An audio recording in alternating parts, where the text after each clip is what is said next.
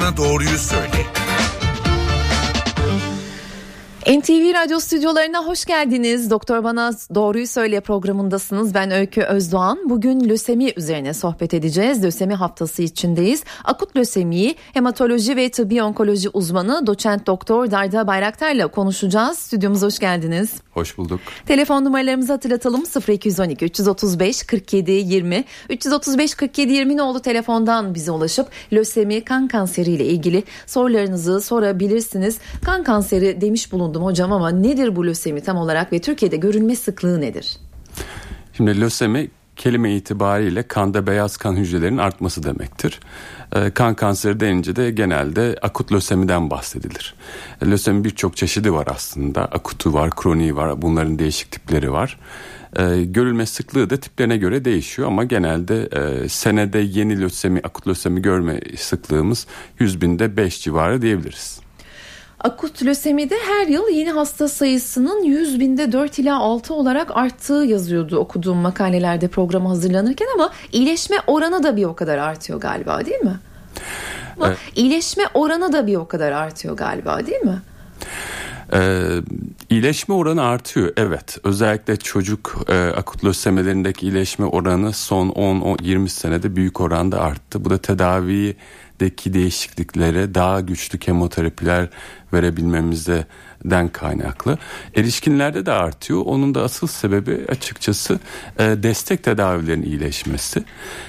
E, sıklığın artması konusuna gelince aslında bu konu tam kesin değil. Sıklığında belirgin anlamlı bir değişiklik olduğunu söylemek pek mümkün değil açıkçası. Hı hı. E, lösemi tiplerinden e, bahsedelim dilerseniz. En sık görülen kan kanseri lösemi tipi hangisidir? E, kronik lenfositik lösemidir. E, kronik lösemidir en sık görülen. E, bu da genelde yaşlarda çıkar 60 yaş üstünde. E, bazen tedavi bile ihtiyaç duyma, duyulmayan e, izleyip görebileceğimiz bir lösemi türüdür. E, neden oluyor bu lösemi? Risk faktörleri nelerdir? Biliyor muyuz ya da? E, çoğunu bilmiyoruz. Çoğu kötü şans diyebilirim. Hmm. E, akut lösemilerin e, riskini artıracak bazı şeyler vardır. Benzen, benzin değil, benzene e, yükse, e, maruz kalmak uzun süre e, boyunca. Bazı genetik hastalıklar, Down sendromu mesela. Ama şunu diyebiliriz ki akut lösemilerin %99'unun sebebini bilmiyoruz. Yani tamamıyla kötü bir şans. Peki e, daha çok risk altında olan e, ya da olduğunu söyleyebileceğimiz bir risk grubu var mıdır? Ya da bir riskli bir yaş dönemi var mıdır? Ya da çocuklukta mı başlar sonradan mı gelişir? Evet. Şimdi öyle bir risk grubu yok. Hani mesela sigaraya bağlı değil. Sigara içenlerde akciğer kanseri, mesane kanseri çok artar. E, ama akut löseminin arttığını söyleyemeyiz. Ama yaş grupları var evet akut lösemiler e, iki tane zirve yapar. Bir e, çocukluk ve gençlik yıllarında bir de yaş, e, yaşlılık zamanında. İkisinin de e, davranışları farklıdır bu e, lösemilerin. Yani gençlerdeki biraz daha e, hızlı seyreder diyelim. hızlı gelişir ama tedavide cevabı iyidir. Yaşlarda hızlı da gelişebilir ama e, daha önceki kemikliğindeki bir bozukluğuna bağlı olarak da yavaş yavaş da gelişir. Tedaviye daha dirençlidir yaşlılardaki yalnız. Hı, daha mı zor tedavi olurlar evet. yani? Yaşlı dediğiniz kaç yaş sonrası? E, 60. Hı hı. Yani Telefon numaralarımızı hızlıca hatırlatmak istiyorum. 0212 335 47 20 335 47 20 oldu telefondan bize ulaşıp stüdyo konuğumuz hematoloji ve tıbbi onkoloji uzmanı doçent doktor Darda Bayraktar'a lösemi ile ilgili sorularınızı iletebilirsiniz. Ee, biraz kötü kader, biraz e, tam olarak e, neden kaynaklandığını bilmediğimizi söylediğinizi anlıyorum. Sigara evet. ile bir alakası olmadığını söylüyorsunuz. Ee, Sigara için demiyorum kesinlikle ama. Yanlış ters bir mesaj da vermiş olmayalım burada. Yakalanma riskini artıran bildiğimiz, dikkat edilmesi gereken e, lösemi bir ailenin mesela anne babanın çocuğu risk altında sayılabiliyor mu? Genetik mi? Dolayısıyla o kişi e, hani benim annem babam lösemi e, Allah korusun bende de çıkar diyerek şunları şunları yapayım bari diyebileceği bir şey var mı? Şimdi şöyle e, ailelerde kümelenme ihtimal çok düşük bunun e, yoktur diyemem. E, literatürde böyle e, çalışmalar e, var böyle aileler gösterilmiş ama e, çoğunluğu lösemilerin kalıtsal değildir. Yani birisinin annesi babasında akut lösemi veya kronik lösemi çıktığı için kendisinin e, farklı bir şey yapmasına gerek yoktur. Belirtilerinden bahsedelim. Ee, ne zaman ortaya çıkıyor veya e, hangi belirtilerle kendini gösteriyor? Diğer kanser türlerinden veya e, belirtileri ayırıcı bir belirtisi var mı? Öyle sorayım. Akut lösemi aslında akuttan bahsedeyim en başta. E, biraz muğlak. Nedir? Yani en başta bir zatüreyle gelebilirsiniz doktora veya bir kanama ile cildinizde bir döküntüyle gelebilirsiniz. Ama şöyle oluyor e, her cildinde mor döküntü olan lösemi değildir. Lösemi çok nadir görülen bir şey hastalık e, şans şansımıza e, ama belirtileri genelde acile gelir hastalar mesela akut lösemili hastalar. Birden bir hafta içinde iki hafta içinde gelişen bir yorgunluk sonra üzerine gelişen ateş e, birisi şans eseri kan sayımı yapar. Kan sayımında e, büyük bir farklılık gözükür. Acilde yapılabilir bu. Bazen doktora gelir böyle. E, ama burada asıl önemli şey birden gelişmesi bunun. Yani akut lösemi öyle 3-4 ayda yavaş gelişen bir şey e, değil. Yaşlarda bunun bir farklılığı var tabii. Yaşlılarda, yetişkinlerde, daha orta yaşta veya e, çocuklarda belirtilerde farklılık gözleniyor mu yoksa evet. gözleniyor? Şimdi yaşlılarda e, miyelodisplastik sendrom dediğimiz başka bir şeyin üzerinde gelişebiliyor akut lösemi. E, böyle bir durumda e, hastalar zaten bir bilinçli oluyorlar. Bir, zaten ayda bir bir kan sayımını yaptırıyorlar. Orada bir farklılık gözükmeye başladığı zaman kemik iliği biyopsisinde tanıyı koyuyoruz. E, hastalar daha çok hangi şikayetlerle size başvuruyorlar? Lösemi olanlar e, ateş, e, enfeksiyon, kanama, ciltlerde dök, ciltte döküntü, Asıl şikayetler bunlar. Peki bu, bu belirtilerle, bu şikayetlerle size mi başvuruyorlar yoksa başka bir uzmanı bilemeyebilir insan ve size Tabii. uzmanlar mı yönlendiriyor? Yani nasıl bile bilir ki insan? Dediğim gibi birçoğu acile başvuru. Evet. Çünkü hızlı gelişiyor. Akut lösemilerden bahsediyorum yine. Kronik lösemiler ise çok daha farklı. Kronik lösemilerde e, bir iştahsızlık, uzun dönemde gelişen e, bir karın ağrısıyla gelebilirler. Onlar çok farklı şekillerde e, kliniğe gelebiliyorlar. Çok farklı doktorları görebiliyorlar. E, çoğunlukla en sık görülen kronik lenfositik löseminin de e, bir şans eseri kan sayımında lenfosit sayımı yüksek çıkıyor mesela. En sık o şekilde gelirler. Bir şikayeti olmaz hasta. Hı hı. E, nasıl tanı konduğunu tam da soracaktım ama telefon numaralarımızı bir kez daha hatırlatalım. 0212 335 47 20 335 47 20 oldu telefondan bize ulaşıp stüdyo konuğumuz doçent doktor, doktor Darda Bayraktar'a lösemi ile ilgili sorularınızı iletebilirsiniz. Reklam sonrasında dinleyici telefonlarını yanıtlamaya başlayacağız diyelim. Tanı nasıl konuyor hocam? Tanı genelde kemik iliği aspirasyonu ve biyopsisiyle konuluyor. Bu 5-10 e, dakikalık bir işlem. E, biraz ağrıdır ama ağrısı dışında pek bir şeyi e, yoktur. Kemik iliğine mikroskop altında bakıyoruz. Bazı testlerden geçiriyoruz. Ona göre tanıyı koyuyoruz. Bazı durumlarda kemik iliğine gerek bile olmuyor. Kan tanıyı konulabiliyoruz tanı konduktan sonra asıl süreç başlıyor evet. herhalde. Süreci uzun uzun tedavi yöntemlerini konuşacağız, nakilleri konuşacağız, donörleri konuşacağız ama tanı konduktan sonra hastanın yapması gerekenler nelerdir diyerek başlayalım. Eğer akut lösemisi varsa zaten hemen bir doktora, bu işte uğraşan bir hematoloğa, onkoloğa gitmesi gerekiyor. Ee, ondan sonra da akut lösemi için e, beklenmez bir iki gününde bile önemi vardır. Hastaneye yatışı yapılır. Hastanın e, önden e, sıvılarını verdikten sonra kemoterapisi başlanır. Bundan önce önemli olaraktan kemik iliğinden bazı testlerin yapılması gerekir genetik testlerin. E, bunlar giderek önem kazanıyor. Çünkü artık akut lösemi diyoruz. Akut löseminin tipleri vardı. O tiplerde genetik tiplendirmeye maruz artık. Ona göre hastalığın riskleri değişiyor ve tedavisi değişebiliyor. E, bazı ek tabletler verilebiliyor. Bazen ilk kemoterapi sonrası direkt kemikliği nakline gidebiliyor bu sonuçlara e, şey olaraktan. E, hastaların e, bu tedavi başladığı zaman ilk bir ay biraz riskli bir dönemdir. Niye? Çünkü kemikliği zaten lösemi tarafından kaplanmış. Siz yüksek doz bir kemoterapi veriyorsunuz ve e, hastaların o sırada bağışıklık sistemi düşüyor. E, enfeksiyona açık oluyorlar. E, bu bir ay boyunca hastanede kalıyor hastalar. Ee, daha sonraki tedavi ise lösemi tipine göre değişiyor. Ee, nakillerden bahsedelim dilerseniz. Tedavi yöntemlerinden bahsedelim. Öyle başlayalım. Nakiller tedavi yöntemlerinin neresinde? Nakil yaptırmadan tedavi olmak mümkün değil midir? Mümkün. Bu dediğim gibi e, löseminin riskine göre değişir. Hı hı. E, düşük riskli e, lösemilerde nakil yapmıyoruz en başta. E, orta risklilerde bazen yapıyoruz bazen yapmayız. Yüksek riskli akut lösemilerde ise en başta hastalığı kontrol altına aldıktan sonra e, nakile gitmek gerekir. E, bu riski de dediğim gibi genetik testler bize söylüyor. E, diğer taraftan eğer bir lösemi ilk e, tedavi sonrası kemoterapi sonrası nüksederse yani en başsız nakil yapmanız ama sonra nüksetti o zaman yine nakil yapmanız gerekir. Peki hocam, e, şimdi Türkök projesiyle ilgili e, konuşalım diye arzu ediyoruz. Türkök Sağlık Bakanlığı'nın kemik iliği nakli bekleyen hastalar için benim dilim döndüğü kadarıyla bu şekilde ifade ediyorum bir projesi. Ama tabii ki bunu bir bilirkişi bize anlatsın istedik ve telefon hattımızda Kızılay Genel Başkanı Doktor Kerem Kınık var. Merhaba yayınımıza hoş geldiniz. Merhaba efendim, hoş bulduk. E, nedir hocam bu Türkök projesi? Bizim anlayacağımız şekilde anlatabilir misiniz bize? E, Türkök projesi milli bir e, kemik iliği e, bağış sistemi diyelim. E, Kızılay'ın e, bu anlamda bağışçılarıyla iletişim kurduğu e, ve Sağlık Bakanlığı'nın da e, eşleşen donörlerle, dokularla hastaları e, buluşturduğu e, bir e, proje, Türkök projesi.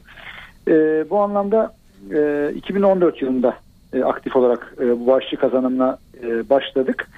E, an itibariyle 153 bin e, 205 e, şu an bağışçıya ulaşmış durumdayız. E, bunların %65'i erkek, %35'i de e, kadın bağışçılarımız. E, bu biz ne yapıyoruz? Bu doku tiplendirmesi için e, biliyorsunuz Kızılay e, kan e, sistemini yönetiyor Türkiye'de e, yılda 2.1 milyon ünite kan topluyoruz bağışçılarımızdan ve ihtiyaç sahibi hastanelere iletiyoruz. Hı hı. E, bu noktalarımızın bir kısımlarında kemik iliği e, bağışı da e, gerçekleştiriyoruz. Kök hücre bağışı da.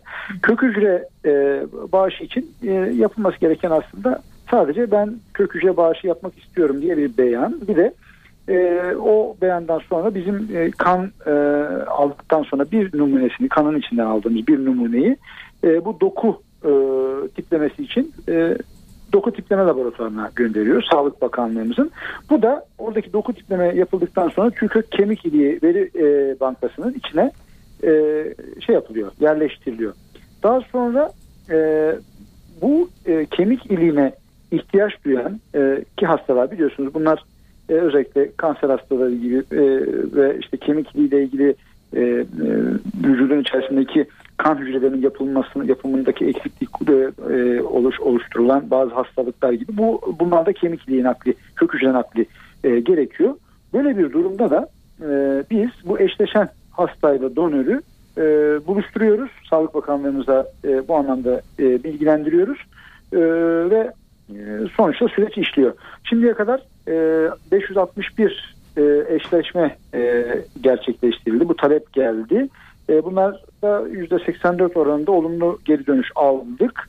E, 80 bağışçımızdan da kök hücre e, toplama işlemini gerçekleştirip e, 23 bağışçımıza e, da e, şu anda e, nakil için e, planlama gerçekleştirmiş olduk. Aslında hedeflediğimizin üzerinde bir başarıyla e, devam ediyoruz e, pek çok hastalar, lösemi hastaları gibi, işte kemikliği ile ilgili sıkıntısı olan hastalar gibi e, tek bir tedavisi e, bu e, kendisine uygun dokulardan gelecek olan e, kök hücreler. E, onların, o yavrucuklarımızın e, o e, ümitlerini e, yaşatmaya gayret ediyoruz. Peki e, Kızılay Genel Başkanı Doktor Kerem Kınık'la konuştuğumuzu hatırlatalım NTV Radyo dinleyicilerine. Başkanım size nasıl ulaşıyorlar peki? Gönüllü merkezleriniz mi var? Tüm Türkiye e, çapında size ulaşılabiliyor mu? Talep e, etmek isteyenler ne yapmalı? Tabii bizim Kızılay biliyorsunuz 17 Türkiye'de kan bölge merkezimiz var ve aşağı yukarı her ilimizde kan bağış merkezlerimiz ve 250 civarında da mobil kan bağış toplama merkezlerimiz var. Buralardan bilgi alabilirler. E, onun dışında e, Kızılay.org.tr ya da kanver.org e, internet sitelerimize e, girerek e, ya da 168 numaralı e, çağrı merkezimizin e, telefonunu e, çevirerek kendilerine en yakın olan e, Türkök e, kemik e, iliği e, kök hücre bağış noktasını e, bu anlamda bulabilirler. Şu anda 12 gönüllü verici e, merkezimizle bu, bağışçı kazanım e, çalışmamızı e, Türkiye genelinde sürdürüyoruz. Peki çok teşekkür ediyoruz yayınımıza katılıp vakit ayırdığınız için. Teşekkür ederiz. Sağ olunuz. Kızılay Genel Başkanı Doktor Kerem Kınık telefon hattımızdaydı. Ee, hocam ara vereceğiz ama öncesinde herkes ilik nak e, herkes nakil olabilir mi diye sormak istiyorum size. Ya da Her... olmalı mıdır? Kimler nakil olmalıdır? Herkes ilik nakli olamıyor ne yazık ki. Çünkü bazen hastaların durumları el vermiyor e, akciğer fonksiyonu, kalp fonksiyonları e, iyi olması lazım. Kemik iliği nakline e, gidecek olan bir hastanın. Onun dışında kanser veya lösemisi tam kontrol altında değilse o hastaları nakile göndermek pek istemiyoruz. O zaman sonuçlar biraz daha kötü oluyor. Ee, peki nakil deyince hep bir bekleme, uyumlu olacak mı, olmayacak mı gibi konular e, akla evet. geliyor. İlk e, nakli için ne kadar beklenir e, veya ne kadar beklemek doğrudur? E, şu, şu saatten sonra beklenmez denilen bir durum var mıdır? Şimdi ilik nakli e, şöyle, e, bir yanlış anlama var. Bu bir cerrahi değil. Hı. Karaciğer nakli, böbrek nakli gibi de değil. Yani bir bekleme süresi aslında yok. Hani karaciğer naklinde işte bekleyelim bir sene karaciğer çıkacak mı? Kemik iliği naklinde bir sene bekleyemezsiniz. Gerekirse yap, e, yapmanız lazım. E, uzun bir zamanınız yok. E, beklemenize de gerek yok. Çünkü e, en başta hemen kardeşler taranır. Kardeşlerden bir tam uyumlu e, bir tam uyumluysa hemen yapılabilir. Eğer tam uyumlu kardeş yoksa Türkök gibi bankalara bakarsınız. E, yabancı bankalar da var ama Türkök burada gerçekten önemli. E, orada da bir uyumlu e, donör yoksa e, tam uyumlu olmayan kardeşlerden, akrabalardan da yapılabiliyor. Yani beklemenizi gerektirecek bir durumda yok açıkçası. Peki şimdi kısa bir ara verelim. Aranın ardından devam edeceğiz. Telefon numaralarımızı da hatırlatalım. 0212 335 47 20. Bugün lösemi kan kanseri üzerine sohbet ediyoruz. Stüdyo konuğumuz hematoloji ve tıbbi onkoloji uzmanı doçent doktor Darda Bayraktar. Ben Öykü Özdoğan. Aranın ardından yeniden yayında olacağız.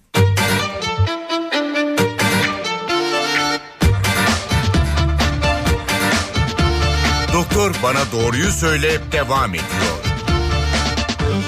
NTV Radyo stüdyolarında Doktor Bana Doğruyu Söyle programındasınız. Ben Öykü Özdoğan. Stüdyo konuğumuz hematoloji ve tıbbi onkoloji uzmanı doçent doktor Darda Bayraktar'la lösemi üzerine sohbet ediyoruz. Ee, hocam ilik nakli biraz yanlış anlaşılıyor. Öyle karaciğerin nakli gibi değil dediniz. Nasıl peki? Ha, evet tabii. Orayı pek açamadım. Şimdi karaciğer naklinde bir cerrahi var.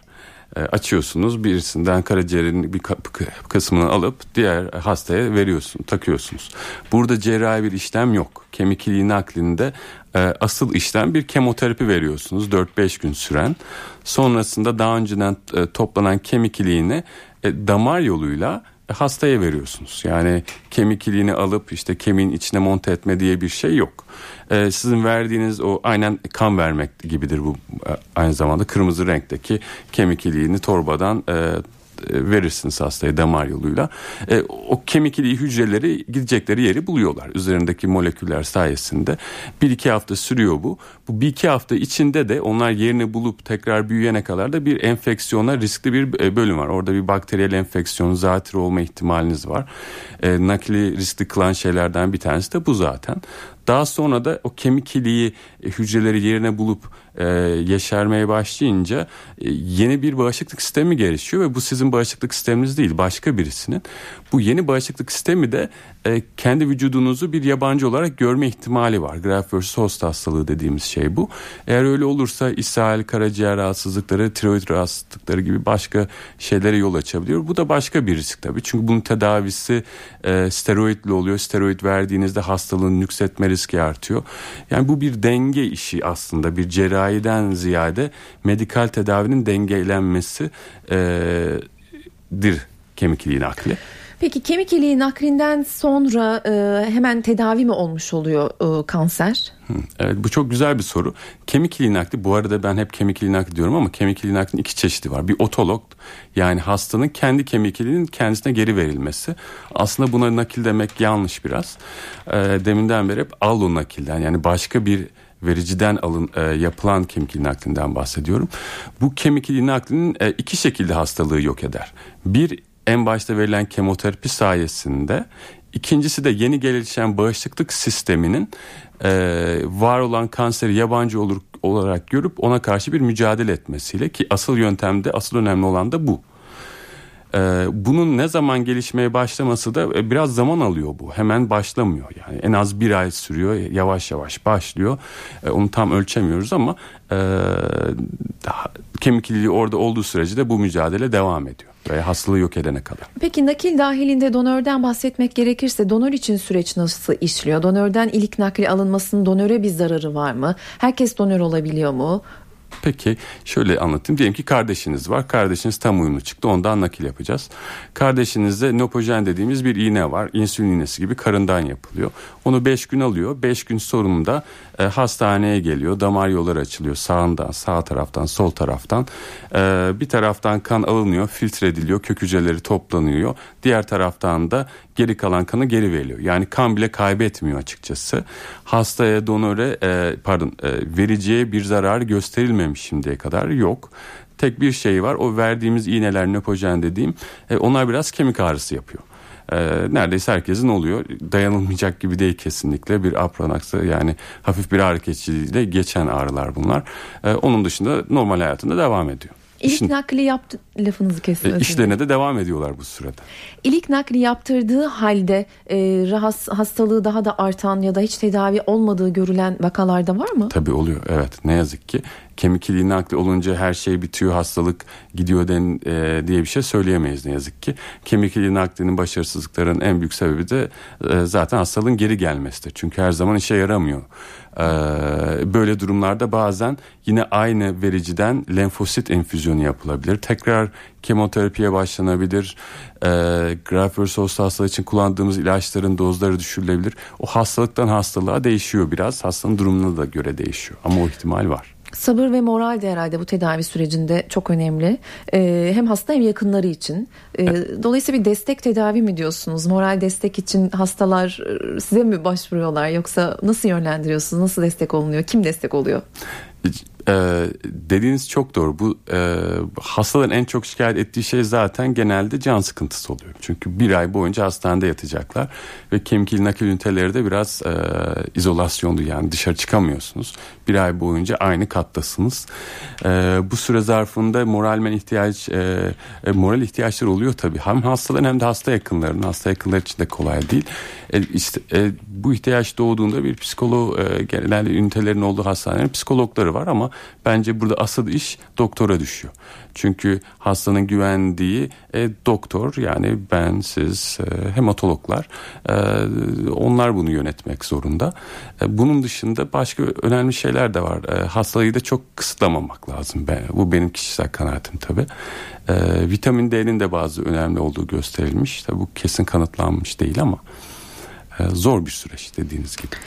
Telefonlarımızı, e, telefon numaramızı tekrar etmiyorum. Zira e, programı toparlamamız gerekiyor. Çünkü NTV televizyonuna canlı yayına bağlanacağız. O yüzden şimdiden NTV Radyo dinleyicilerinden, telefon açan dinleyicilerden özür dileyelim. Bugün soru alamadık ama dilerseniz soruları bize NTV Radyo'nun sosyal medya hesaplarından e, ya da varsa e-mail adreslerimizden ulaştırabilirsiniz. Biz de belki hocamıza ulaştırırız. Belki çok acil soruya yönlen, cevaba yönlendirmeye ihtiyacı olan bir hasta vardır. Şu an telefonla yanıt veremediğimiz. Çok teşekkür ediyoruz hocam yayınımıza katıldığınız için ama kapatmadan önce şu an hatırladım. Ee, sizin kendi bir yarı eşlenik projeniz var. Çok kısa 2-3 cümleyle bundan da bahsedebilir miyiz? E, tabii şimdi e, yarı eşlenik nakillerle ilgileniyorum daha çok. E, bu e, donör bulunamayan, kardeşinden, kardeşleri uyumlu çıkmayan, bankalardan e, uyumlu olmayan hastalar için e, tam uyumlu olmayan e, yarı uyumlu akrabalardan anne baba çocuklar kardeşler teyzeler bile olabilir onlardan yapılan nakil çeşididir.